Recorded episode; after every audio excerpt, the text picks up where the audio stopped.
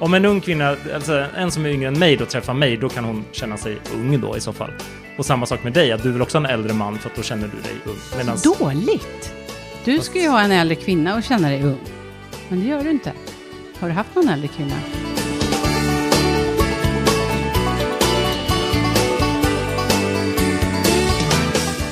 Vi har fått så himla många frågor. Ja! Vilket, ja, jag, hade, jag tyckte att, jag vet inte om du hade väntat dig det. Jag hade nog väntat mig eh, en del frågor. Mm. Men kanske inte riktigt precis alla de frågor vi har fått och inte liksom hur de är utformade. Så skulle vi svara på alla frågor vi har fått så skulle vi behöva hålla igång i kanske fem timmar. Men jag tänker en timme får väl avsnittet bli idag då. Stora frågeavsnittet. Stora frågeavsnittet. Högt och lågt, eh, personligt, privat, men också generellt och brett och allt möjligt helt enkelt. Helt enkelt precis så. Och jag tänker att vi börjar med en fråga som flera har ställt Ja. på olika sätt och eh, formulerat på olika sätt, men som handlar egentligen om samma sak. Och som är lite anledningen till att vi gör den här podden också. Laila skriver så här, hur orkar man att inte ge upp och sluta söka? Ja. Efter kärlek alltså. Jag vet inte om du känner igen det. Du, du kanske inte känner igen det Karin, men min känsla är ju det här att när man... Att jag också ställer mig själv den frågan. Mm. För att ofta har man ju så här, ja, men jag skickar ju till exempel ett meddelande till dig i veckan att jag hade deletat alla datingappar igen. Jag fick en liten film Ja. där Fredrik dejtar alla appar och det var ändå fem, sex stycken. Ja, det, ja, precis. Jag raderar dem nu och det var delvis för att jag inte hade varit så aktiv på dem heller. Så jag kände så här, men nu, nu går jag bara in av slentrian och tittar i dem utan att liksom prata med någon eller göra någonting. Men just känslan är att det går i vågor, att du så här, du bara, nej men jag orkar inte, jag vill inte, jag mår inget bra av det här, jag stänger ner allting, nu kommer inte jag dejta överhuvudtaget för jag har tröttnat på det. Och så går det en tid, kanske en månad, kanske mindre, kanske mer. Och sen är man där igen. Så det är ju, det är det som, det, jag har egentligen inget bra svar på frågan. Jag känner mer att så här, det är ju någonting med vårt ständiga sökande efter kärlek och bekräftelse och vara nära någon och allt det där. Som, det liksom lägger sig aldrig helt. Det, man blir inte död inombords utan man kommer hela tiden tillbaka. Känner Jag du tänkte- igen i det? Jag tänkte två, när du skickade den här filmen helt okommenterat så Ja. tänkte jag ett, han har träffat kärleken i, hans, i sitt liv. Ja, just det. Två, han har inte gjort det. och då var det att du inte hade gjort det då, men Ja. att du fick. Nej, men jag känner ju, jag delar ju på de här sakerna eftersom jag inte har nätdejtat eller dejtat så mycket. Så tänker jag ehm, jag orkar alltid leta efter kärleken. För jag är helt övertygad om att den finns. Sen kan det ta ett år, det kan ta tio år. Jag kanske träffar någon fem kvart i döden. Liksom. Men sen så orkar jag inte göra, jag orkar ju inte nätdejta speciellt länge alls. Jag orkade några veckor liksom. Ehm, men jag tänker att de olika sätten att dejta på orkar jag med ibland, ibland orkar jag inte. Och det är lite som jag tränar. Jag har ju liksom börjat träna för att må bättre i huvudet sen ett och ett halvt år tillbaka. Och eh, då har jag liksom, det har tagit sin tid, men jag tränar varje dag eller motionerar. Men jag gör det på olika sätt. Så jag kan tröttna på att jogga eller jag kan tröttna på att gå till gymmet. Men jag tröttnar inte på att träna, för jag mår så bra det. av det. Så att jag byter lite. Mm. Så jag skulle vilja säga att fokusera på kärlek, och det vet vi ju enligt alla vetenskapliga studier. Jag vet, det finns det. Men Finns det studier vi också? måste ju tro Ja, okej, på kärlek. okej, ja. Det är ju hela... Vetenskapligt stöd för att leta kärlek finns det med andra ord. Eller liksom, ja. Ingen aning, men vi måste ju ändå komma överens om att kärlek finns någonstans Mm. där för alla. Det, det måste vi ju. Det tycker jag. Mm. Det är ju hela idén med livet väl. Men däremot så kanske man, om man fokuserar på att kärlek finns där, men att det inte handlar om att orka nätdejta eller inte, utan man orkar dejta, man orkar olika saker i olika tider. Kan det vara ett Och bra det, ja, svar? det tycker jag är ett bra svar. Och det är ju också, då, alltså just att så här, det är också svaret på varför vi orkar. Mm. För att det, det är liksom, vi har inget val, det finns där ändå. Det, Vi tror på vi är kärleken. genetiskt eh, programmerade oavsett. Ja, men det är vi också. Tror Ja. du på kärleken? eh, jag tror kanske inte på Hollywood-kärleken, men jag tror ju på det som, alltså relationer Mm. och kärlek till andra oavsett former. Så tänker jag. Att så. Mm. Och det är kanske det som är en krock, det här att hitta liksom sitt sätt att förhålla sig till andra. Och, så. Så Men- fokusera ja, på kärleken, ja. kära Laila. Den Yes. finns där. Yes. Ja. Ska vi ta en till fråga? Eh, nu ska vi se. Jag tycker den här frågan är eh, intressant. Sissi skriver så här. Har någon av er avbrutit en dejt och gått hem på grund av något dejten sagt eller gjort? Vad säger du? Jag har ju varit på Ja, tre, fyra dejter. Ja. Jag har känt kanske eh, någon gång att det här eh, räcker för nu. Jag måste hem och fundera igenom Mm. eller något sånt där. Och då har ju jag skylt kanske på att jag måste hem. Men jag har ju aldrig rest mig upp, Nej. hällt en grogg i ansiktet och gått. Det har jag aldrig gjort. Nej, det har faktiskt inte jag Jag heller gjort. dricker grogg. Nej, men jag har inte heller, jag har, man kanske har avslutat tidigare än vad Mm. man har tänkt sig, så kan man väl säga. Men du har Eh, aldrig avbrutit, tänkt så nej. här, ah, shit, det här är helt fel. Inte ens genom att säga, oj då, jag har ju tvätttid. Nej, Eller nej. liksom. Nej. Tråkigt svar, jag vet, men, men eh, jag har väl kanske inte... Jag försöker tänka så här, de, om det är några så specifika dåliga dejter man har varit, men då har det, alltid, det har ju ändå alltid varit så här, om det är fika eller en öl, liksom. Mm. Det har ju varit, åtminstone varit liksom en öl eller en kopp kaffe eller ett glas vin, alltså så här innan man liksom, minst en timme åtminstone, tänker Mm. jag, att man snackar. Men med det sagt då, så har jag varit i en massa möten och sånt där som inte har med dejting att göra, Ja. där folk inte har skött sig. Ja. Och då tar jag, det är jätteviktigt för mig att säga, det här är inte okej. Mm. Nu går jag och så får du fundera över det här och så återkommer jag. Mm. En gång satt jag till och med i en poddinspelning och var gäst och blev förolämpad i podden. Oj, Och nu var det ju inte live då, eftersom det var en podd, men då Ja. kunde jag säga så här, hörni, vet ni vad? De här frågorna gör mig jätteledsen. Mm. Och ni kan inte bjuda in mig för att höra om min forskning. Jag håller på med humorforskning. För att sen bara eh, slakta allting på det sättet de gjorde. De bara Mm. garva åt det. Det är ju en sak att ställa kritiska frågor. Ehm, så det tycker jag man kan göra. Alltså känner Mm. man att något är fel ska man ju alltid säga det. Man kanske inte ska ställa till en scen eller hälla en drink eller så. Man har ju aldrig någon ansvar för att sitta kvar och genomlida någonting.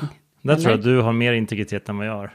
Eller mer eh, pondus, så att säga. Va? För har är- jag, integritet? Ja, nej men jag... ja, men jag är mycket mer sån som bara, ja men, ty, ja, men som det exemplet du sa då, om jag skulle vara inbjuden till en intervju och känna så här, gud vilka jobbiga frågor, då skulle Mm. jag nog bara bli väldigt så här återhållsam, tystlåten, svara pliktskyldigt men inte speciellt entusiastiskt. Nej, för att liksom det. visa väldigt tydligt att så här, det här är inte liksom något jag, Mm. om någon försöker så att säga garva åt eller med mig så skulle jag nog bara inte bjuda på det då. Men jag Mm. skulle inte gå därifrån, jag skulle inte kanske... Nej, men nu gick jag inte från konfrontera. heller. Jag bara sa, det här var inte Ja, snälla just det, frågor. du stannade upp kan man säga. Ja, så här, ja, vänta precis. nu, det här känns inte bra för mig, jag blir ledsen. Mm, ja, det var ju bra. Det var och för sig otroligt starkt. Mm. Alltså, för det blev, man kan inte ta sig ur det och säga, äh, skärp dig, vi skämtar ju bara. Nej, just det. Nej, men precis. Det är ju mer sånt känner jag också att man skulle göra. Men, ja. Så svaret är, vi har inte gjort det, men vi Nej. tycker att det är okej om det behövs. Men man Ja. kan göra det på ett bra sätt. Mm. Mm. Jag... Och det är så många bra frågor. Om Mm. ni inte får med era frågor, ni som har ställt, så kanske det blir ett nytt frågeavsnitt om, om en liten stund. Eh, Mina har frågat, är det normalt att sakna ett ex eh, som man hade för ett och ett halvt år sedan? Om man inte dejtat någon och inte pratat med någon alls på den annan på den tiden. Mm. Det vill säga hon går och saknar ett ex och är, är, det, är det normalt? Det kanske är normalt, men det är inte önskvärt så att säga. Eller förstår jag menar? Att det, det är inte ovanligt att man, att man, speciellt om man är den som blivit lämnad kanske, att man liksom har den, att det är en, man har en hang-up så att säga, att det ligger kvar och det är någonting som är obearbetat och någonting som man liksom, det är väl, jag, jag tänker, spontant tänker jag så att det är så svårt för att den personen som, eller exet då i det här fallet, kanske inte är en del av lösningen, men det är på något sätt där som man själv tänker sig att pusselbiten finns, alltså hos exet. Medan man liksom, och går där och ältar saker man har sagt och gjort tidigare eller vad det nu kan vara. Liksom. Men, är det eh, inte att man inte pratar om de här sakerna så mycket? Alltså att det finns någon så här, man, I'm gonna move on. Mm. Get my revenge body. Man ska bli bättre, snyggare, Ja. levla när man är... Och då blir det så här att prata om att man saknar någon som man egentligen kanske inte ens vill bli ihop med. Nej, Det är inte, det gör vi inte så ofta. det här är också någonting, så jag vet inte hur det är med dig, men jag förknippar det här liksom också med när jag var yngre. Alltså relationer som tog slut när jag var yngre. Om jag hade varit ihop med någon kanske ett år eller något sånt där. Och så då kunde jag vara sådär sänkt i ett halvår efteråt och bara liksom nästan götta mig åt mörkret som kom och bara nu, nu ska jag bli ett emo som sitter hemma och skriver poesi. Alltså verkligen så här utnyttja den här liksom mörka kreativa kraften liksom. Och nästan så här, ja men typ götta mig i det fast, fast liksom, jag vet inte, eller så är det när jag blivit äldre att jag liksom då har ju också erfarenheten sagt åt mig att så här, ja men du har ju kommit tillbaka från sådana här situationer tidigare. Så det, den tiden det tar att liksom komma över någon kanske blivit kortare. Eller så har man blivit mer avtrubbad bara, jag vet inte. Men Och så tänker jag att det ena behöver inte utesluta det andra. Jag skulle ju faktiskt lätt kunna säga att jag saknar vissa saker med alla mina ex. Jag var tillsammans med en dansk kille som tyvärr inte lever längre. Han var helt fantastisk på massa sätt. Och fortfarande när jag... Han kunde så här laga mat av ingenting. Han bara, isbergssallad, kanel, jag gör världens bästa. Det där kan jag tänka på liksom ofta, eller varje gång jag tar curry så Ja. tänker jag på honom. För att han var så himla, det saknar jag. Men jag saknar inte relationen vi hade. Nej. Eller en annan kille, han, vi, han hade en, litet stu, en stuga i Dalarna. Där kunde vi sitta och spela backgammon i dygn Ja. liksom, och ha jätteroligt att prata. Det saknar jag ju. Men jag saknar liksom inte den relationen vi hade. nej. Och, och det är precis som man har mina syrror som har levt med män väldigt länge, som har blivit en del av familjen och sen försvinner de. De Ja, det. saknar man ju också. Ja. Men hon kanske menar här att om det hindrar henne Hindrar, från att ja. träffa en ny, då blir det lite problematiskt. Och då kan det ju vara att man inte gjort något avslut som du pratade om Mm. förra gången. Ibland så behöver man göra ett, ses igen och göra ett avslut. Du har väl nästan gjort det? Mm. Det kan man väl säga. Kanske du inte vill prata Nej, om? jo, i och Mm. för sig, men det har hänt flera gånger eh, att jag... Dels det här liksom... Ja, men det tar slut. Det kan ju ta slut mer eller mindre dramatiskt med någon. Mm. Och lite hur lång relationen har varit. Men oavsett det här, det har hänt både med folk jag har dejtat kort, men det har också hänt med, med tjejer som jag har varit länge med. Det här att man liksom... Det går en tid, liksom vatten hinner in under, under broarna och man ses igen på lite mer neutral mark på något sätt. Och så, och så snackar man lite mer öppenhjärtligt om så här, vad var det som hände och, och när, när det har gått så lång tid att liksom båda vet att så här, dels det kommer nog liksom inte bli vi igen och dels vi har inte så mycket att försvara eller liksom, alltså man är inte inne i affekt i relationen längre, vilket gör att man kan säga om sig själv och den andra, alltså man kan liksom vara sådär öppen med att så här, ja men kommer du ihåg när jag Det är sa inte sådär? minerad mark. Nej, men precis. Och så, ja, men det var ju, och så kanske båda kanske också har gått vidare och dejtat andra eller träffat andra och kan berätta om det och ställa det i förhållande till den relation man själv har haft förut med den här personen då. Att liksom, ja men nu träffar jag den här killen och han är så här, och det påminner lite om när du och jag var ihop och, alltså så här, och då blir det liksom en jätte, och där tycker jag så här, om det är någonting jag har lärt mig om mig själv så är det sådana samtal.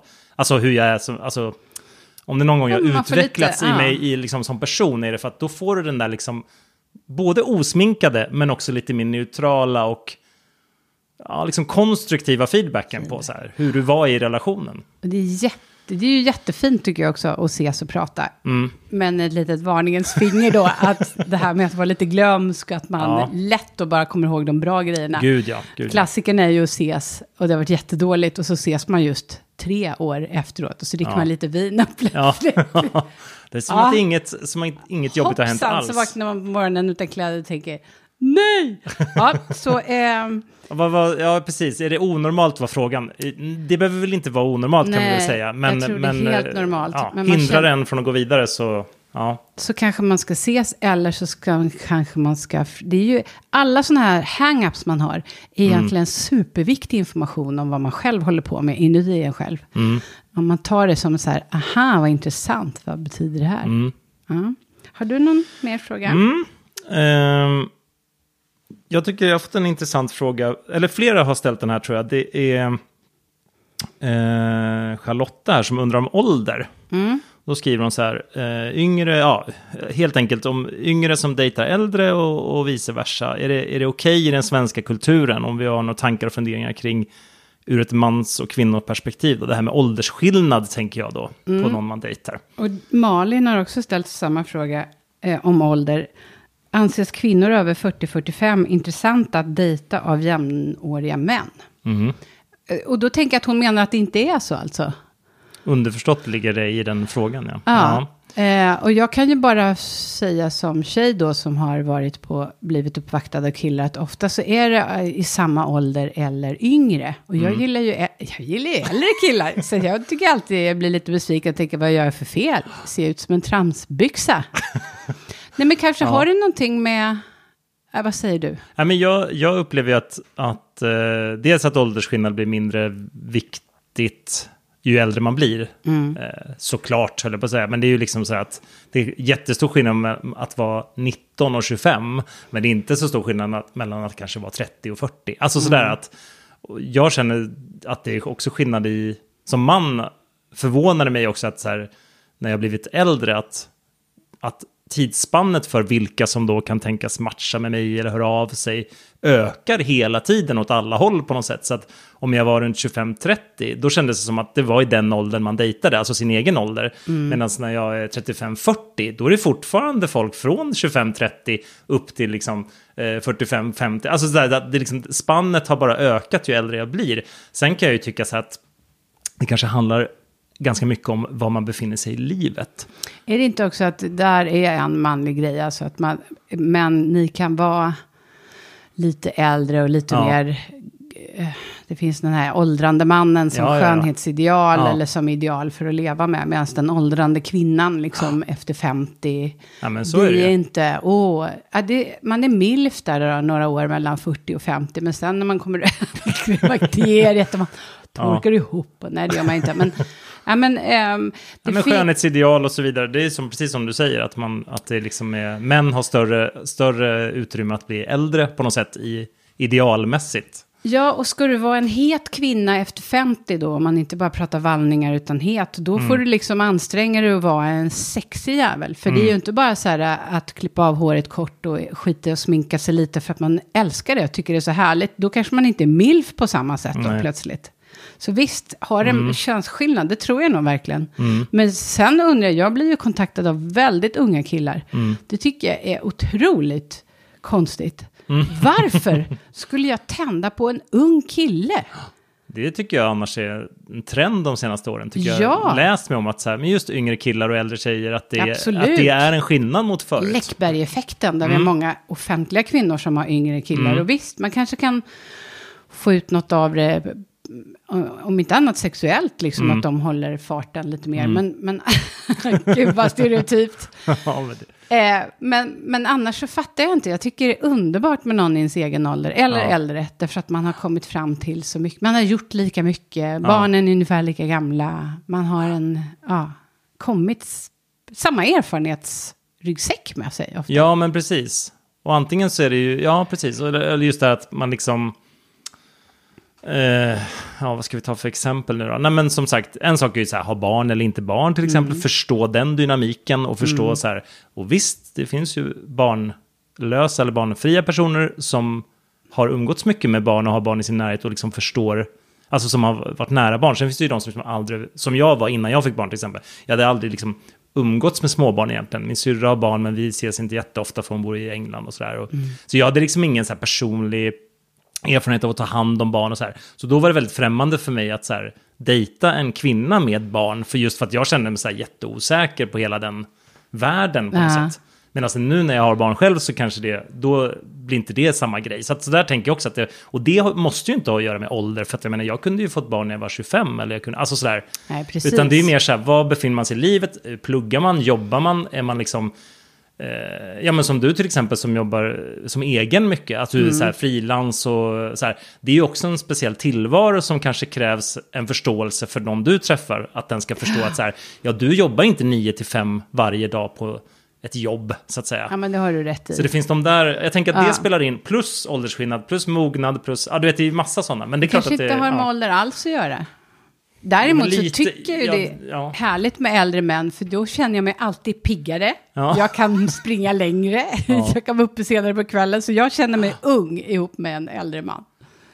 Och eh, är det därför... 80, nej, men jag tänker så här, 90 plus, nej jag skämtar bara. Mm. Och jag som man då, skulle jag känna mig ung med en äldre kvinna? Ja, kanske inte. Där kanske det är tvärtom, jag vet inte. Va?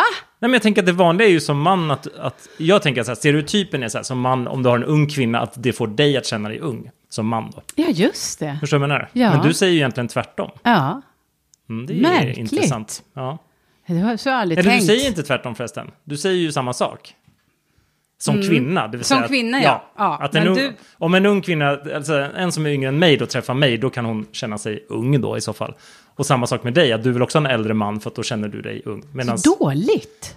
Du Fast... ska ju ha en äldre kvinna och känna dig ung. Men det gör du inte. Har du haft någon äldre kvinna?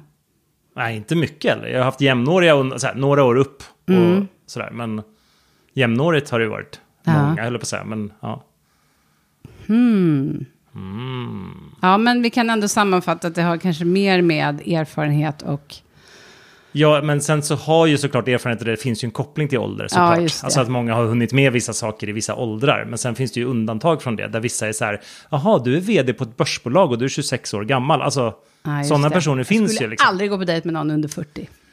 Nej, det är bra, då vet ni det där ute. Att, Men ska vi ta några snabba frågor? Ja. Med ganska kon- konkreta svar. Mm.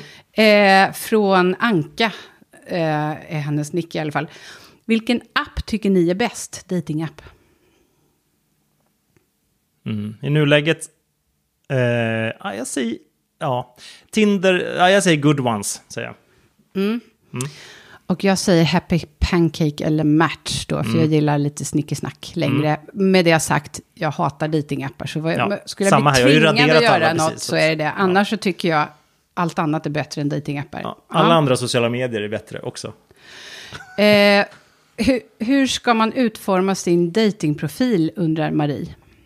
Men det där har ju vi pratat om lite förut. Där jag, har, jag vet att jag har sagt bland annat att om man utformar en profil för att behaga alla eller för att locka alla så kommer du ju, du vill ju inte, du vill ju inte nå alla utan du vill ju nå någon som du kan gilla liksom, eller någon som du är intresserad av. Så att jag tycker att man ska vara hyfsat specifik ändå. Men sen till exempel när det är bilder så tycker jag så här, men där är ju samma sak där, att så här, man ska garantera verkligen ha en så här snygg bild som man verkligen tycker så här, gud vad jag ser snygg ut på den här bilden. Men sen tycker jag man ska variera olika bilder, olika situationer så här.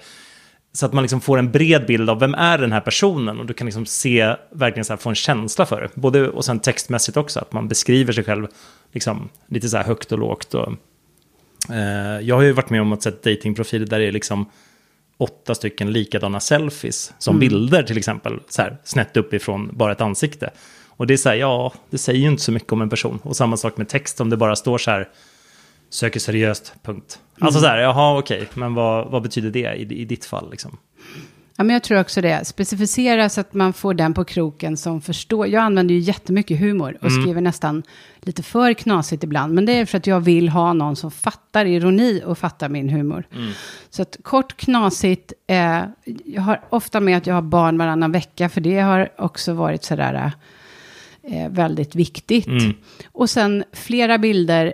En snygg, en helt osminkad, eh, där jag ser vanlig ut. Och sen också lite i där jag gör olika saker och också gör bort mig. För det är också viktigt att, det måste man ju veta med mig, om man ska dejta mig så, så får man inte vara så här, åh gud, hon skämmer ut sig. För det är ju mitt jobb liksom, skämma ut mig.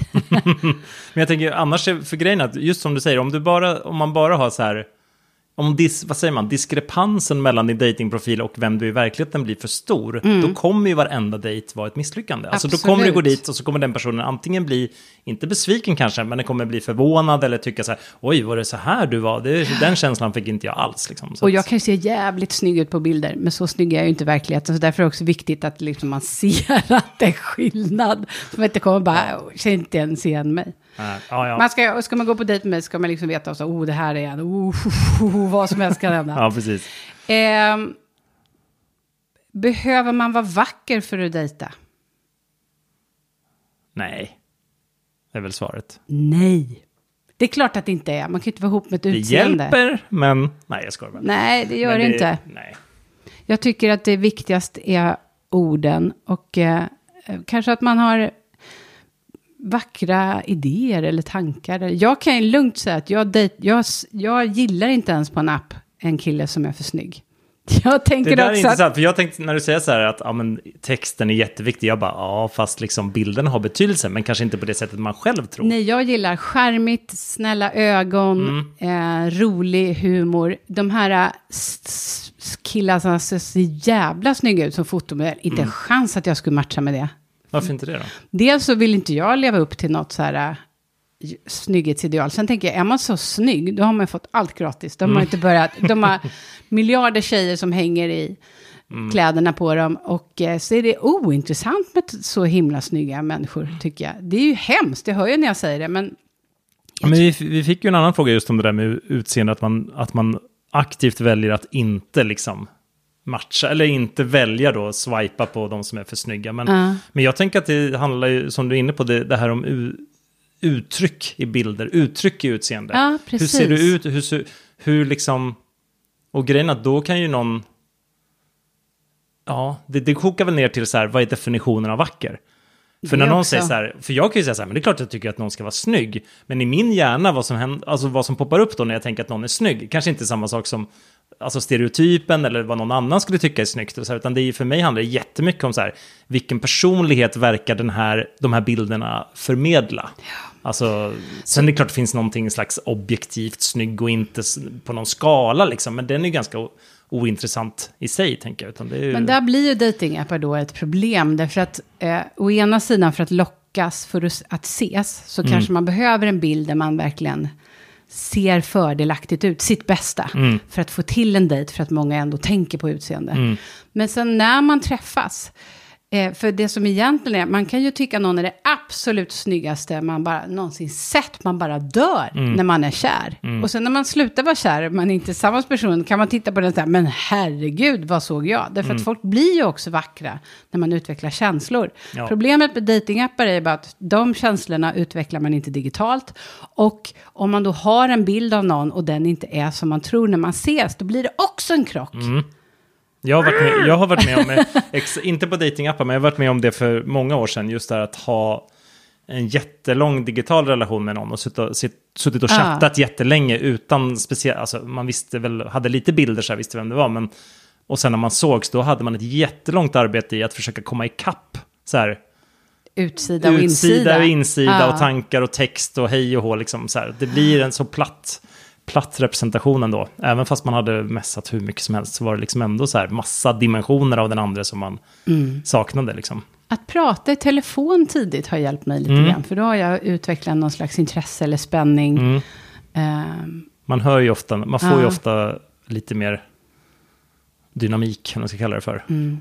Så nej, man behöver inte vara vacker för att gå på dejt eller för att dejta. Och jag tycker också att vi skickar ut den här som vi har gjort tidigare, den här som du lanserade så bra, Kärlek i döda vinkeln. Just det. Att kanske leta efter de som inte alls ser ut som man är van vid att Mm. tänka att man gillar. Och på en plats som man inte har tänkt på också. Mm. Alltså så här att, ja, i bekantskapskretsen eller vad det nu kan vara. Men också med utseende, att våga Ja, något helt annat. Ja. För där kan det absolut vackraste finnas, det vet man inte. Och det här leder mig in på nästa Mm. kortfråga här. okej. Tror ni på kärlek vid första ögonkastet under Emma? Eh, jag tror inte på det, men jag tror på passion och, och eh, attraktion på första ögonkastet. Men jag Mm. tror inte på så här att man på vid första ögonkastet kan veta att så här, vi ska gifta oss och skaffa barn. Nej, men så här. Och jag har varit med om båda. Ja, ja, ja, ja. Jag tror verkligen på det. Ja, okej. Jag har träffat, eh, haft långa relationer där jag tittat, eh, varje nästan har börjat så, Mm. med en, en skräll. som har varit både kärlek och attraktion och Ja. hjälpt den här personen och jag hänger ihop. Alltså Ja. det känns som så här, vi känner igen varandra fast vi aldrig har pratat. Ja. Men också som du säger är med attraktion, att det säger kaboom, Mm. Och så... Eh, Mm. och så är det liksom klart. Så det tror jag på. Jag har haft en sån relation. Mm. Som var sådär ögonblicklig. Mm. Som uppenbarligen inte höll då, men, men eh, var väl ungefär tio eh, år sedan snart. Något sånt där. Men eh, då började jag med att jag hade sett henne på avstånd. Jag hade sett henne på en livesändning på, på nätet, på, alltså på en föreläsning. Mhm. Och sen när vi sågs i verkligheten, då var det liksom, då bekräftades den känslan. Men Då är eh, det klart. då var det klart. Hon var upptagen, men det var hon sen inte längre. Så, så kan det gå. Och jag kan ju också säga att jag... Jag tror ändå inte på det, så att säga. Nej, just det, Men, jag är roligt. men liksom så att, ja, men det var ju så här, det, men för mig är ju det, som jag sa, det är ju attraktion och, och intresse som väcks. Liksom att så här, oj, vilken spännande person. Mm. Men är inte det kärlek då? En Nej. typ av kärlek? Ja, det är, ja, kanske. Det är en typ, ja, det är början på kärlek i alla fall. Men jag har ju aldrig sett någon och bara, åh, honom ska jag gifta mig med, eftersom Nej. jag inte ens vill gifta mig. Alltså, men däremot så har jag känt så här, åh, mitt hjärta. Jo, men för mig är ju det, vi kanske pratar om samma sak, för mig är ju det bara så här attraktion slash passion då, liksom att det är så här, sen om det ska gå över till någonting annat, då krävs det liksom, Ja, men jag kan nog bli kär vid första ögonkastet. Mm. Bara så här, damn. Men, måste jag säga att eh, en, två av mina längsta relationer har också inte varit så. Mm. Utan att det har, man har gillat varandra, tycker jag är trevlig, har Mm. jättekul ihop. Och plötsligt så börjar man bli mer och mer kär, utveckla det. mer och mer känslor, mer och mer attraktion. Att det heller inte har kommit på en gång. Och Nej. framförallt eh, vid senare år, att Mm. det är något som växer fram. Som låter så tråkigt, men också som kan vara en tröst. Att Ja. saker faktiskt kan växa fram, att det inte... Det känns också som att det kan bli mer hållbart då på något sätt. Men det är kanske bara Nej, min, men det min fördom. rent, om jag ska gå igenom min statistik så har inte det spelat någon roll. Nej. Möjligtvis den här pum bang attraktionen som gör att kläderna liksom rinner av efter några minuter. Det kanske inte har gjort att man har en lång relation sen. Det är inte de klokaste besluten som har tagits i det tillståndet så att säga. Nej, det kan jag förstå. Ja. Men du ska, eh, hade vi någon mer kortfråga eller ska jag ta? en, eh, jo, men Sandra är nyskild. Hon känns som hon har glömt hur man flörtar. Mm. Era bästa ragg och flörttips. Ja, Är jag är det- ju dålig på det här känner jag. Ja, Alltså, men jag inte, du är bra i text. Ja, jag är bra i text. Så dina bäst, bästa ragg och flörttips i text så ska jag ta live sen då. Mm. Eh,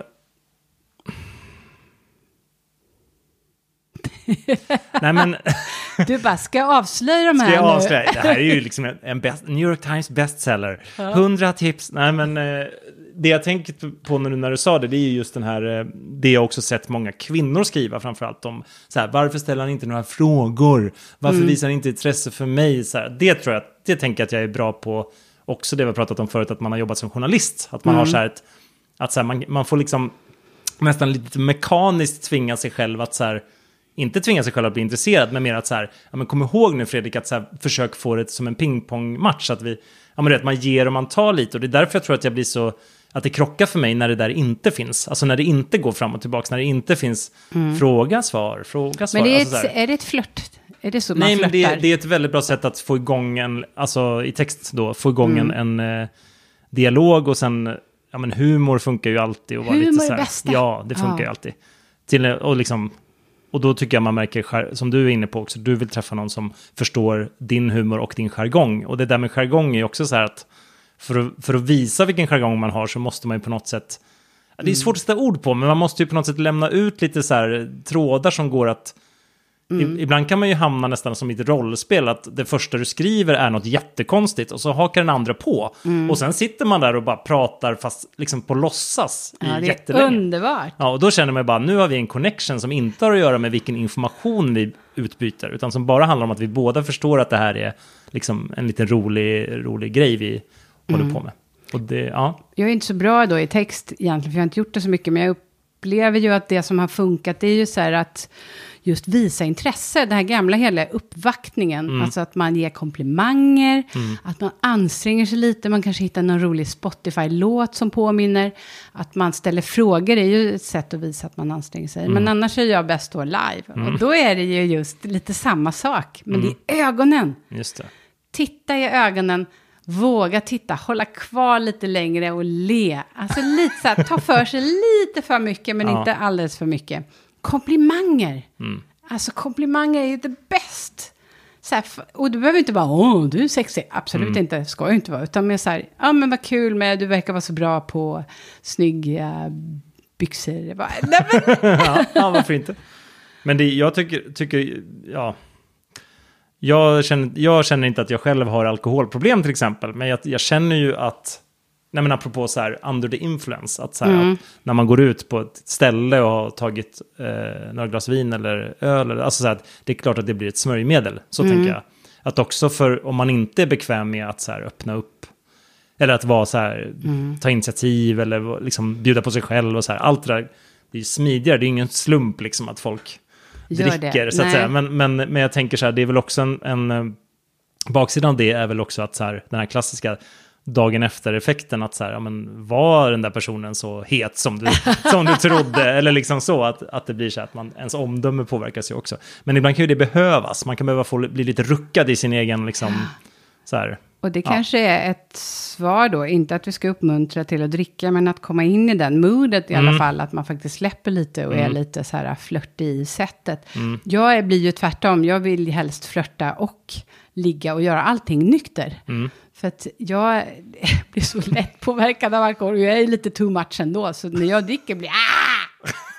Ah, schysst du är! Hörru, Ja. hur ser det? inget det är bra. så här, det blir snickeriet direkt. Nej, men, Ja, men då vad- blir jag lite tantraffa sådär och kan, Tantraffa. har jag en skjorta knäpper jag upp lite och liksom. Åh det, gud. Fast det där går väl killar igång på? Eller? nej, det tror jag inte, inte tjejer i min ålder. eller kanske som, inte rätt killar, det är väl det? Eller så här.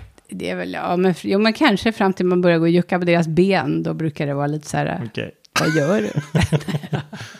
Ja. Ja, det var de eh, snabbfrågorna jag hade. Mm. Mm. Har vi någon långfråga nu då? Mm. Jag, har, jag har en fråga som jag tycker är eh, stä- en ständig källa till diskussion. Det är det här med dejta en eller flera samtidigt. Och då är det en person, nu missar jag namnet, men i Facebookgruppen tror jag, som ställer frågan Tror ni det är bäst att dejta en åt gången eller dejta flera? Varför? Hur ska man förhålla sig till att hålla kontakt, träffa, dejta med flera personer i sökfasen kontra att ge varje person en egen ärlig chans? Och det är, någon annan, det är ju också... Ja, precis. Mm. Det tycker jag är svårt faktiskt, personligen också. Inte kanske, alltså... Men har inte du ett system där för dig själv som du har ändå lite satt? Jag tycker du verkar ändå ganska självsäker när du gör att du pratar Ja. med flera. Man kan prata med flera, alltså Mm. ha kontakt med flera. Men sen just så här, hur många orkar man eller kan man träffa fysiskt samtidigt? Alltså så här, gå på riktiga dejter. Och där tycker jag det, det blir väldigt svårt att vara tillgänglig för någon egentligen om, om man har så att säga flera trådar igång samtidigt. Att det blir väldigt så här... Men jag vet ändå att det är många som gör så och det kan ju ibland hopa sig så att det händer inget först och så får du helt plötsligt liksom kontakt med flera som verkar vettiga samtidigt. Och vad ska du göra då? Ska du helt pausa dem eller hur? Jag tänker att folk ändå brottas lite med det här just återigen för att datingapparna är byggda på ett sånt sätt att man kan och liksom nästan uppmuntras till att hålla kontakt med flera samtidigt. Så, det, så min, min liksom inställning till det är väl så här, nej jag tycker inte att man ska dejta massa personer samtidigt, men jag kan förstå att det lätt kan bli så. Och jag, jag upplever att många som nätdejtar gör det också för att inte bli sårade. Det vill säga, de dejtar många samtidigt, då gör jag det också. Och jag önskar att man mer kunde tänka, eh, vad, gör, vad behöver jag för att må bra? Mm. Det betyder att man utsätter sig själv kanske då lite mer för, för jag är ju precis så, jag kan bara nästan prata med en samtidigt. Jag klarar inte av att, eh, jag klarar ju av rent, alltså praktiskt att genomföra det, men så fort jag har flera på samtidigt i chatt så känner jag ingenting. Nej. Och skulle jag dejta flera så känner jag ingenting för någon av dem. Mm. Så för min skull, för att jag ska ha fokus och känna något, känna om jag känner något, Mm. så får, måste det vara en åt gången. Vilket gör ju att jag blir då ledsen, för den försvinner plötsligt. Mm. Ledsen för att jag fattar, oj nu fick jag ett svar här som inte ens var till mig. Det är det som gör det ohållbart för mig med datingappar. Jag klarar inte av att ha flera gånger samtidigt. Jag klarar inte av att de som jag pratar med har flera gånger Nej, samtidigt. det. jag tycker inte det är schysst. Och jag Nej. tror inte vi är konstruerade så som människor. Nej, det är lurigt. För jag, ja, I och för sig, nu, nu slår det mig att jag säkert sagt till någon kompis som, sådär, som jag ser har tendensen att gräva ner sig väldigt mycket i Mm. en och sagt att så här, men du, ska du inte liksom, pra, liksom försök hålla kontakten med några stycken samtidigt så att du, inte, så att du slipper det här, ma, bli så här manisk kring en person. Mm. Mest för att också, skydd, som du säger, skydda den personen. Men då med inställningen att ingen av dem egentligen kommer bli Alltså ingen av de tänkbara dejterna ska bli seriös, utan mer för att den personen ska ta sig ur kanske en lång period av att inte ha träffat någon. Men då kanske man ska se det som det. Ja. Att om man är på datingappar så får man liksom köpa, då kanske man verkligen ska se till att man chattar med fler, dejtar fler, därför att nästan alla gör så. Eller så Ja. måste man vara tydlig med det i sin profil och skriva, Ja, jag chattar och pratar bara med en person åt gången. Vilket i och för sig säkert kan skrämma bort någon. då. Eller som väl- jag, bara välja bort fucking Ja, nätdating. det är ju det, det, är ju det vi kretsar, vi landar ju tillbaka hela tiden i den känslan att så här, det är inte, det är så att säga Ah. systemet, don't hate the player, hate the game, så att säga. Det är Ja. ju systemet det är fel på som skapar de här situationerna, men, men visst kan man, kan man ju ha strategier för hur man ska hantera det själv. För samtidigt kan jag känna så här att, att liksom få feeling med en person och sen sitta i dagar eller veckor bara på att vänta på att den ska vilja ses. Men det är klart att det blir inte lite går. Nej, det blir Nej. ju segt också. Så jag, det är ju så. Det är klart att, och det kan ju räcka med med att man känner bara, "Ah, jag får, inte, jag får inte riktigt någon bra respons av den här personen. Och då tar du kanske upp en annan tråd och sen visar sig att den andra personen, ja, men den var bara upptagen i två dagar med jobbet eller någonting. Ja, och kunde inte svara så mycket under den perioden. Och då tolkade man själv det som att, ja men den är nog inte så intresserad. Och så kommer den tillbaks och så har du dragit igång ytterligare en tråd. Och så, ja, det är det där att man vet så lite om vad folk faktiskt håller på med. Alltså som tänk dig inte, som själv. inte har med dating att göra. Är- jämför med Blocket, liksom, du ska sälja något eller köpa något. Har du så här 20 olika trådar Ja. samtidigt, blir du ju galen. Jag Tänk brukar dig då jämföra med med relation. anställningsintervjuer. Ja, alltså om du det. söker flera jobb samtidigt. Och så, och, så, och så vet du så här att det är ju i och för sig, i de sammanhang kan det vara bra att ha sökt flera jobb samtidigt. För när du går på en intervju och vet att så här, ja, men jag har faktiskt två andra jobb på gång, då blir du ju ganska avslappnad. Ja, känner du så här, men det. jag, det finns faktiskt andra som kämpar om mig, det är inte bara det här Ja, jobbet. men då blir det ingen bra jämförelse egentligen. Nej, för jag vet. Men det är liksom lite det här att man känner sig mindre sårbar och utlämnad då. Och sen tror jag att vi inte är vana i Sverige vid det här sättet att se på dejter nästan lite kommersiellt. Det vill säga, finns det någon bättre? Det kanske Mm. finns, kan jag prestera bättre? Är det någon annan rätt där? För när jag, när jag gick ut gymnasiet så flyttade jag till USA och bodde där ett tag. Och det var så intressant hur de dejtade där. Mm. För då hade man ju, nu ska vi se, vad 17 hette det? Man kunde ha en... man kunde dejta, man kunde ha relationship with or without commitments. Okej. Man kunde, ja, seeing someone.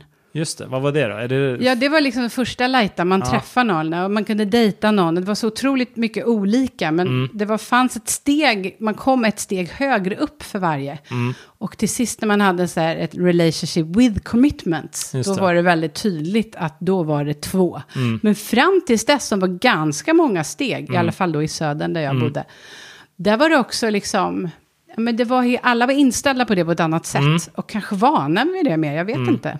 Ja, det minskar ju liksom frustrationen om, om det finns ett system som folk kan förhålla sig till, som är, eller regler Ja. som folk förhåller sig till såklart. Även om man säkert kan känna sig sviken och alltså sådär ändå. Men ja, Undrar om en sån dejtingtjänst skulle funka. Mm. Som bygger på att så fort man får kontakt med någon så släcks resten ner. Och så, så får man hålla kontakten tills man sätts. Och sen släpps det på igen. mm. Det finns ju någon av de här som, eh, vilken, vilken är det då? Där det är kopplat så att om man matchar med någon så, så måste man, vad är det? Är det om kvinn, kvinnan måste vara den som messar först tror jag. Mm. Någon sån där grej. Och att om den inte gör det inom 24 timmar så, så försvinner matchningen. Och jag tänker att man helt släcks ner. Ja, just det. Som ett svart. Som ett app. svart... Bara mörk ruta. Då kommer de här mörkruta Tindermännen tillbaka. Eller Ja. kvinnorna. Eller kvinnorna. Ja. Ja. Ja, men det är ja, precis. Men ursprungsfråga. Ja, men dejta flera samtidigt. Ja, men det är, så här, det är väl nästan ofrånkomligt att det uppstår sådana situationer med nätdating framför allt. Att det blir flera samtidigt. Åtminstone att prata med flera samtidigt.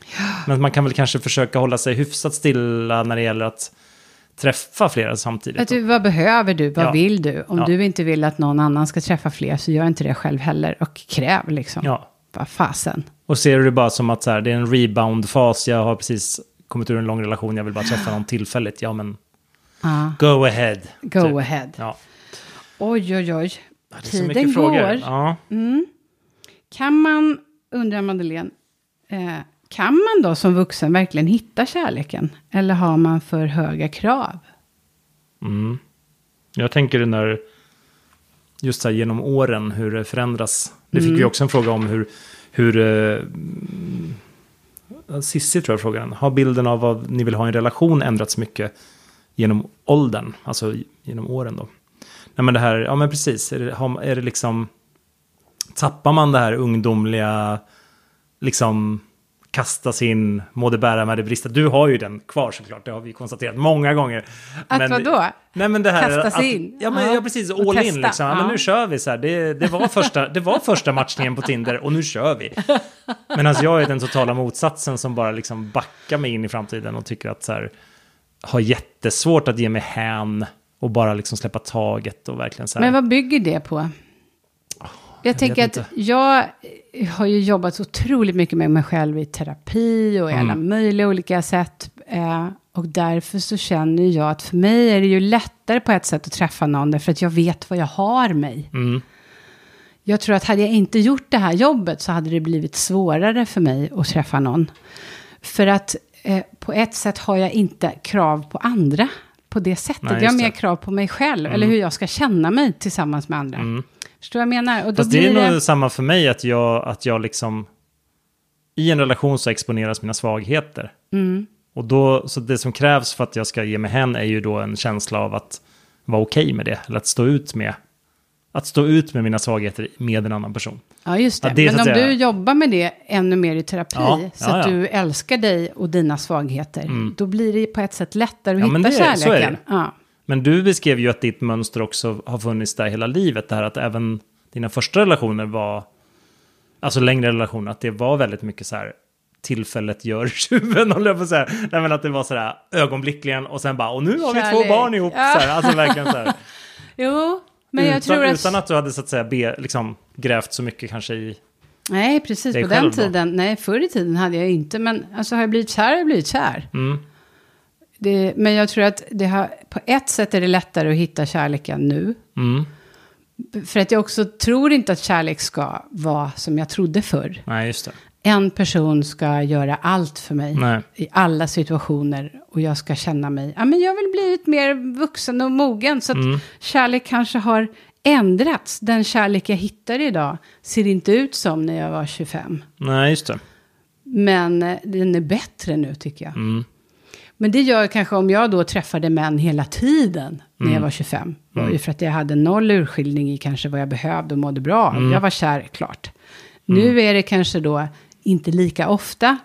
Eftersom jag säger, nej men det där vet jag inte funkar. Mm. Men jag tror att kärleken är bättre nu liksom. Ja, men det är ju rimligt. Eller att man, nej, men det är väl jätte... Men folk, man känner sig själv bättre. Och det gäller, det gäller nog de flesta, tänker jag. Mm. Terapi eller inte terapi, så att säga. Att man har ändå lite bättre koll ko- på kanske vad man... Hur man funkar och vad man funkar. Framförallt så här, vad funkar man inte med? I vilka... När mår man dåligt? Och så vidare. Och sen är det här med höga krav. Har man för höga krav? Jag har vänner som har absolut för höga krav. Mm. Alltså andra personer ska få henne att känna saker som man inte faktiskt, som andra personer inte egentligen ska Mm. Få en att känna. Som jag har jobbat jättemycket med att känna mig trygg ju. Mm. Själv, inte att någon annan ska känna mig trygg. Så det kravet är ju egentligen, man, man, man måste nog vara, man kommer inte undan sig själv i den här åldern. Nej. Alla krav du har på den andra, de ska man titta på. Så, vad är det där för krav? Mm. Vad är det för krav och varför lägger jag dem hos en annan och inte hos mig själv? Vad är det jag Mm. saknar som inte kan? Men också synen på relationen som ett före och efter, tycker jag. Att så här att allting går ut på den där jakten och sen när liksom eh, järnridån slår ner, eller säga, när, när liksom porten stängs för att så här, nu har jag träffat någon. Och då finns det ett efter som är ett helt annat liv, där man tydligen inte är den här personen man var innan, Nej, där man är så att säga ihop personen och att det skulle skilja sig så väldigt mycket från vem man var tidigare. Det där tycker jag att man mentalt har en så här, eller många, och jag kanske också haft det, att så här att det finns liksom så här, men den här singelversionen av en själv, och sen när, slår, när man går över till andra fasen, ja, men då Så är så här, man någon annan. Ja, och förr var det liksom äktenskap och barn. Typ att det var så här, okej, men då, du vet, det är ett före och efter i livet. Och sen levde de lyckliga alla sina dagar. Punkt. Ja, alltså förstår du, det jag. finns liksom Ja. ingen så här efterhistoria som handlar om hur kämpigt, eller att man måste fortsätta jobba med sig själv efter den där, att porten har stängts. Ja, men utan, så eh, är ju jag, inte jag. Alltså jag skiljer inte alls på det. Utan Nej. det är ju ett, ett jävla arbete, allt. Att vara Ja, själv precis, ett arbete precis. Mm. och att få ett arbete. Men sen i och sig andra krav jag har märkt. Jag vet inte om det var du som sa, eller om det var en kompis, just där. Ja, men bor han norr om stan, då är det kört. Ja, just det. Just det. Nej, det bor han i. Gävle, är bara nej. Ja, jag, det sa jag däremot. Om det Ja. var någon som bodde så här, man bara, jag skulle inte ens kunna matcha med någon som bodde utanför där Och jag då själv kanske bor. du Liksom. missar värsta kärleken. Stan är full av vatten, tänker jag. Det finns, jag tror ju inte på att det Distansförhållanden är finns... ju underbart. Jag tror ju inte på the one. Jag tror ju på att det finns många som skulle kunna vara the one, så att säga. Absolut, men om man kan har betat leta av. Stockholm the one så kanske... Jag kan tänka att jag passar mycket bättre med lantis eftersom Mm. jag själv känner mig som en lantis i hjärtat. Nu finns det många lantisar i Stockholm, men, Alla är ju lantisar i Stockholm, det är det som är grejen. I botten så men alltså, det. jag var ju väldigt mycket så här, men tatuering funkar absolut inte för mig. Nej. Men det har jag ju förstått att det har ju ingenting med... Jag kan, tatuering säger ju ingenting. Jag Nej. kan inte, sådana krav får man ju bara Om det inte är så här vit makt-tatuering kanske. Nej, usch, vad hemskt. Ja, men sånt får man ju släppa. Eller att jag skulle hitta någon som också är vegetarian. Eller att Ja. jag skulle hitta någon som eh, inte dricker sprit. Eller liksom vad det nu kunde vara. Eh, där Mm. Ja, kanske man får check- jämka lite. Ja, men kravlistor, apropå att ha för höga krav. Att Mm. sätta upp listor och liksom hålla på... Ja, det är ju ett sätt att bli olycklig, tänker jag. Att, att tänka så, att man har en kravprofil. Men, Men då eh, blir det här att vi konsumerar varandra istället för att dejta varandra. Och det är ju inte helt ovanligt. Och det ser man ju också på vissa eh, datingappar hur de har utvecklats så att man också kan kryssa i så här, han ska ha den här examen, han ska vara lång, han måste vara över 1,85, det ska vara det, det ska vara det. Det är väl till Tinders fördel då att de inte har massa sådana parametrar. Alltså, Ja, du kan faktiskt. inte fylla i... Där sköter du algoritmerna det bakom kulisserna istället. Nej, men så här att det finns inte en massa parametrar. Utan det är så här bilder och text. Och sen, Vi har ja. ju inte svaret, alltså de roligaste, bästa, mest fantastiska kärlekshistorier man hör, det är ju de här helt otippade. Mm. Han är två decimeter kortare än vad hon är. Mm. Hon är äldre, han är, kommer därifrån. Alltså det är Mm. de här mötena ju, som man inte kan kravspesa sig fram till. Mm. Om man inte, tänker jag, är buddhistmunk och har liksom suttit och mediterat i 40 år och kommit fram till exakt det här, Mm. möjligtvis. Men de flesta av oss har ju inte det. Och då tror inte jag riktigt vi vet. Men du, jag har en fråga som jag tycker är intressant. Eh, från eh, Rebecka, tror jag det var. Jo, det här med hur man... Eller Ja, det, kan, det kanske vi pratade om när vi skrev det här med datingprofiler. Men hur tidigt ska man outa ifall man lider av psykisk ohälsa när man dejtar? Hur ska man hantera om man får veta att den man dejtar lider av till exempelvis ångest eller annat? Mm. Ja, Jag tycker man kan säga det direkt, men det beror Mm. väl på vad man själv är bekväm med och så. Ehm, jag, kanske inget man måste skriva i en profil eller sådär. Jag Nej. vet, det kan man väl göra också, men... men eh, Men det beror ju på, säg att man har en, ehm, en rejäl eh, ADHD-diagnos så Mm. kan det ju vara jätte, jag skulle vara jätteglad om jag fick reda på det tidigt Mm. bara för att förklara vissa grejer. Jag, men jag skräms ju inte av sånt, tvärtom, jag tycker det är spännande och intressant att man har sina olika Ja, oavsett kan man väl säga att, att du kommer ju ändå inte, om, om, om du skulle skrämmas av det, så skulle Mm. den andra inte vilja så att säga bygga en relation med någon. Nej, som, så att på så måste sätt så är det ja. så här, ja, det är ofrånkomligen så att det kommer kanske märkas i relationen och då, då är det väl bra att vara tydlig med det tidigt då, tänker jag också. Att det är så här, Jag har ju mycket ångest och det brukar nästan, det, jag menar, jag pratar ju mycket om den för den blir väldigt rolig i sitt elände liksom. Ja. Så det kommer nog ofta fram. men det är klart att så här, det blir väl ganska mörkt om liksom det blir ett av de första grejerna du tar upp i en konversation. Liksom att så Mm. här, hej, ja vad trevlig du verkar vara. By the way, jag vill bara säga att här är en lista på dåliga Ja, egenskaper just hos mig. det. Eller vad det nu kan vara. Men jag har liksom. ju varit till exempel jätte, jätte utmattad. Ja. Och är fortfarande lite seg i kolan. Mm. Alltså jag glömmer mycket eh, ofta, snabbt. Mm. Och kan också så här... Så det, har jag, det säger jag ofta till folk. För att Mm. de inte ska tro att jag har glömt bort dem. Eller det de har sagt. Mm. Eller det vi bestämt. Ibland kan jag till och med sitta och anteckna. Fast det inte är riktigt kosher att göra det. Mm. Mm. Alltså sådär, varför antecknar hon nu? Det är ju en dejt. Ja, just. Nej, kanske jag inte gjort. Men, Ha sekreterare på dejten. och då liksom. behöver jag säga att jag har fortfarande problem med minnet. Ja. Och den utmattningen, den genomsyrar ju en hel del också. Jag kan Ja. inte göra hur mycket som helst varje dag. Jag kan inte, ja men jag måste anpassa livet efter Mm. det. Så det säger jag ju till om faktiskt. Jag har också sådana spår från, jag har inte haft lika grav utmattning som du, men jag har, känner ju liknande spår från en period när jag var lite sådär på Mm. väg in i väggen. Liksom, att det, ble, det blir aldrig som det var. Alltså Nej. man blir aldrig, man har aldrig den kapaciteten som man hade innan, utan man är liksom permanent nedsatt. Liksom. Mm. Sen kan man ju klara livet bra ändå. Så här. Men, men liksom, det finns ju sådana där spår, det tycker jag man märker hos andra också när man pratar om det. Att så här, Ja, jag tycker det, det är fint liksom Mm. på något sätt att prata om de här sakerna. Man kanske inte behöver lägga upp det som bara en sak ska du veta. nej, precis. Blir du ihop med mig så kommer jag glömma din födelsedag. Bara så du vet.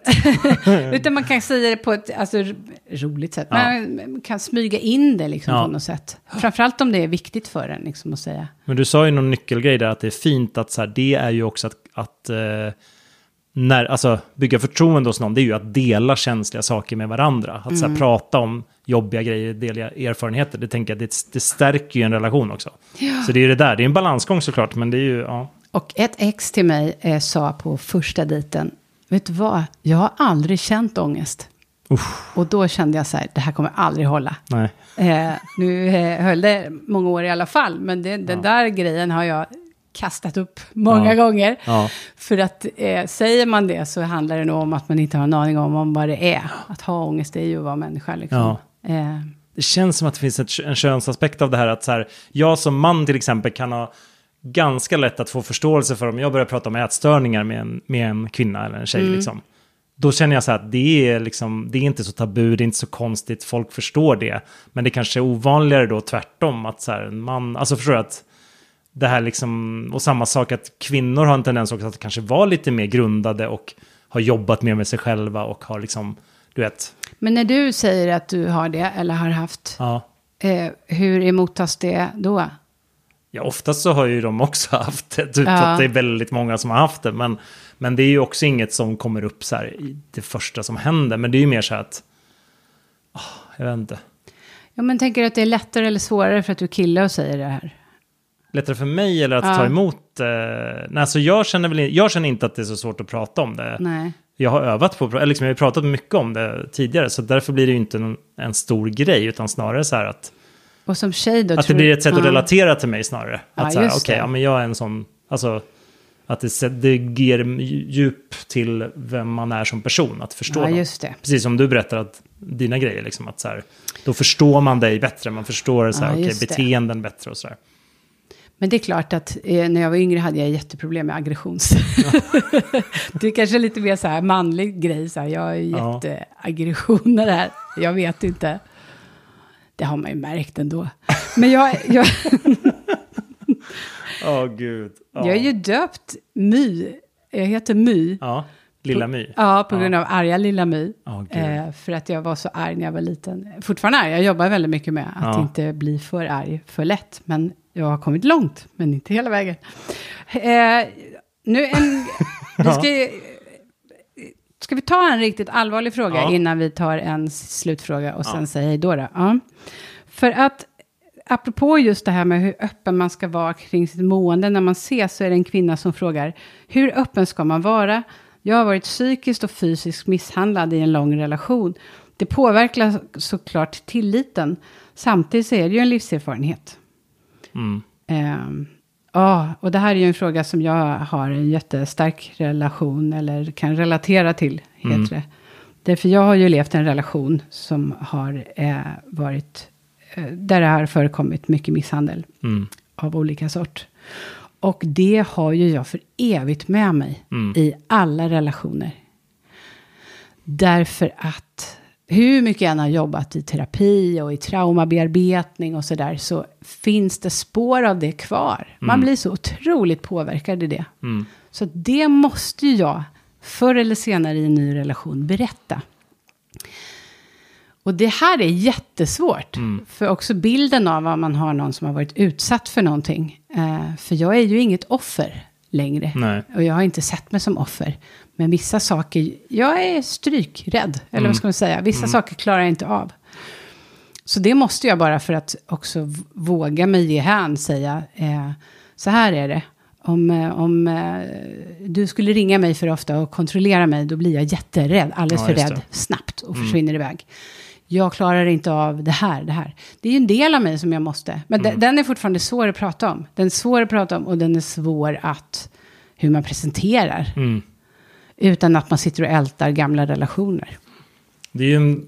Ja, precis. Det är ju också, tänker jag, en temperatur... Eller vad säger man? En, ehm, för dig en, en bra, bra sätt att se, så här, är det här en mogen person som kan ta emot det här liksom? Och slår den bakut eller känner sig anklagad eller vad vet jag, liksom, då är det ett väldigt tydligt tecken på att så här, okej, det här kanske inte är...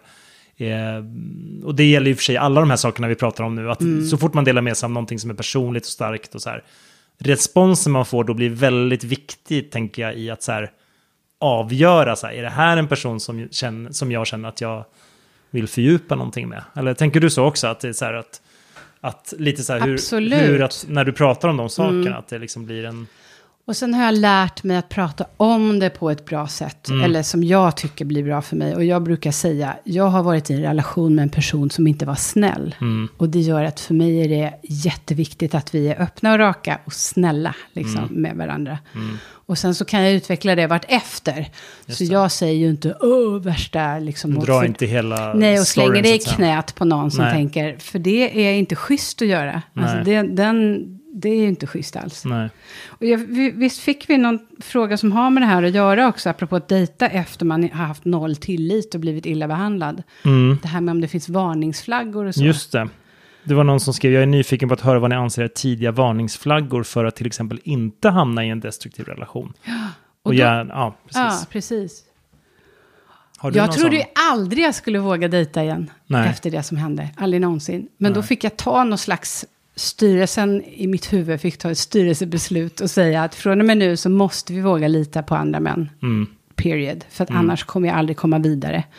Men däremot hela tiden ta varningssignaler på allvar. Och För jag Ja, upptäckte du att nämnde ju några, några också där som Ja. du sa med kontrollerande beteende. kontrollerande beteende. Och jag skulle säga att om man lyssnar på sig själv och liksom när man, när man får, man känner i ryggraden, uh, det här påminner mig om någonting som jag har varit med om som inte är bra. Så ska man ta det på allvar. Mm. Och då är det just så här, svartsjuka. Det ska inte finnas med överhuvudtaget, men framförallt inte i början när man ses. Nej. Absolut inte i början. Kontrollerande att ställa frågor, att man behöver säga, vem är det som har hört av sig? Hur Ja, har någon hört av sig? Vem träffar- pratar du med? Ja, Sådana där grejer. Så här. jag ja. träffar en kompis, vad då för kompis? Ja. Känn efter på den frågan. Hur känns den frågan? Är den okej eller inte? Eh, och sen, ja men det är väl svartsjuka framförallt. Och de här kontrollfrågorna, de ska ju inte finnas med alls. Och sen att man använder en kompis eller någon, så här, är det normalt? För man förlorar lite vad som är normalt och Ja, inte. Att man får ta hjälp av andra, så här, är det här normalt eller Mm. inte? Är det här normalt eller inte? Och sen tänker jag på den här klassiska, ja men det här är för bra för att vara sant. Han Ja, är för bra för att, då är Också, det det. också ofta i början antar jag. Ja. Eller det här upp, Han säger allt rätt. Han, ja, då är det Mm. för bra för att vara sant. Man ska åtminstone fundera lite på det. Har du varit i en destruktiv relation? Inte på... Ja, gud vilken bra fråga. Aldrig fysiskt, men, men psykiskt funderar jag på liksom just att så här... Det kan också vara väldigt destruktivt. Ja, verkligen. Nej, Men jag tänker så här att man... Jag tänker på någon relation som jag hade när jag var yngre som var lite så att...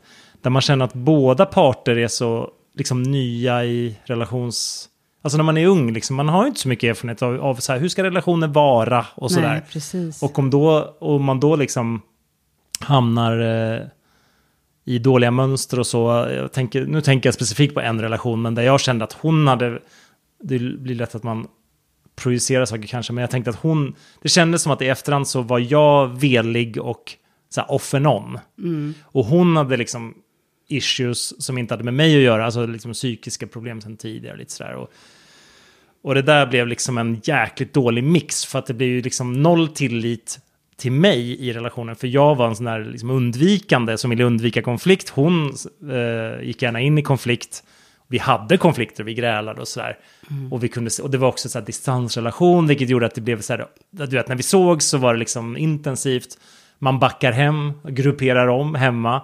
Liksom och, och hinner tänka till, och hinner också ikapp sig själv och bara så här, men vänta, det där var ju lite så här, det där var inte så härligt. Jag tror inte, alltså det där känns inte som att vi har det så bra. Nej men, nej, men jag ska nog, du vet så här, det här ska vi nog avbryta liksom. eller Jag Men lärde du dig något ur. av det då? Så att du, tog Ja, det med gjorde- dig sen? Ja, men jag lärde mig mycket, men framförallt så tror jag att jag blev också lite så här strykrädd.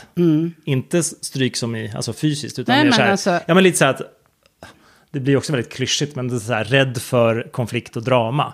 Samtidigt så är jag en sån som kan skapa det själv, och jag är ju, är ju en sån som har grälat i relationer, och jag är absolut ingen person som är liksom tyst och undvikande i en relation, snarare tvärtom, att här, jag är ju den som kan klampa in i en konflikt liksom också. Så att det är ju dubbelt det där, men, men, just, men ändå vara väldigt så här rädd för det samtidigt, vilket blir så här, ja, Jag har en kompis som alltid säger att varje dålig relation är ett steg mot den perfekta. Då borde jag ju vara fullärd. Nej, jag ska bara, Då är det snart där. Ja, men man jag lär har- sig någonting på allt. ja. Jag Även vet inte hur de du ser på dina, jag vet inte hur du ser på dina, alla dina tidigare relationer. Jag skulle säga att det är väldigt få som jag ser på som så här, oj, här är alla mina dåliga relationer. Jag, har haft, jag tycker att jag har haft många bra relationer liksom. Ja, men man tänker att varje relation som har slutat då, Ja. ett steg till Ja, så kan man det. nästa bättre. Det var en bättre formulering. Ja, så eh, var det nog hon menade. Det är inte bara ett mörker i hela Nej, historien bakåt. Men allt det dåliga man har haft i relationer som har avslutats ger ju en skjuts mot en ny bättre. Ja. Liksom, om man ska säga så. Ja. Sista frågan, det måste ju ändå vara den här vad vi har lärt oss. Mm. Det kommer en fråga som lyder som följer. Vad har ni lärt er eller insett om er själva i relation till dating och relationer som ni inte visste innan vi startade datinghaveriet? Ja. Podden alltså. Så himla bra Ja. fråga! Ja, för, ja, ja, det är en jättebra fråga. för jag trodde Oj. nog lite så här äh, kaxigt att jag vet ju ingenting om dating, men jag vet väl, jag känner mig ganska väl när det gäller kärlek, men jag tycker Mm. att du har inspirerat mig skitmycket att våga mer. Mm. Men jag, och kanske tvärt... Att Ja. våga mindre! Nej, nej, men, nej, men jag tänkte också säga våga mer, fast på ett annat sätt. Mm. Alltså, för du är ju mer så här, du promotar ju commitment, liksom. Mm. Medan jag har ju gått in med det med så här, men jag, gud jag är så svårt och liksom, eh, du vet, fastna för någon och jag dejtar runt och det blir inget och så här. Det var ju så det började lite grann i, i diskussionerna, att man liksom, sen tycker jag att vi, eller jag vet inte hur du känner, men jag har ju fått mycket, in, eh, lärt mig mycket kring responsen på podden också. Alltså i hur folk resonerar kring det vi pratar om har gjort också att det, det blir lite som att man får en, en feedback på så här, okej, det liksom, håller folk med om det här eller är det bara vi eller du vet så här hur... Och sen, Ja, och sen så här, och det, våran dynamik du och jag, att vi är så, att vi är olika ändå. Ja, det är så, varje olika. avsnitt blir ju en så insikt och en lärdom i att så här, ja just det, man måste ju inte tänka så här. Karin Nej. tycker tvärt emot. Okej, ja men då finns det uppenbarligen andra som inte tycker som, som jag gör. Alltså Ja, det att man har en... otroligt befriande. Och just det här att, att, att jag har fått så här, våga mer, att inte just gifta mig med alla jag just tittar det. i ögonen. Ja, Bra inte grej. kasta sig in. Och att vi när vi sågs där för, vad är det, två månader sedan Ja. och bara, jag är den enda som är helt misslyckad, jag med, och nu har vi alla andra misslyckade som följer oss och gud. lyssnar. Och vi är ju inte misslyckade, utan vi är otroligt lyckade i vår jakt efter kärlek, Mm. som ju, åh vad klyschigt, förlåt, det är inte så jag menar, men att det är så himla skönt att veta om att det är svårt med Ja, men kärlek. känslan är ju att det liksom är hela systemet som är trasigt. Ja. Det är inte vi som människor som har gjort något fel. Nej, Typ så. så. Det var väl eh, det då. Ja, idag. tack för idag. Nästa avsnitt blir ett eh, vanligt avsnitt.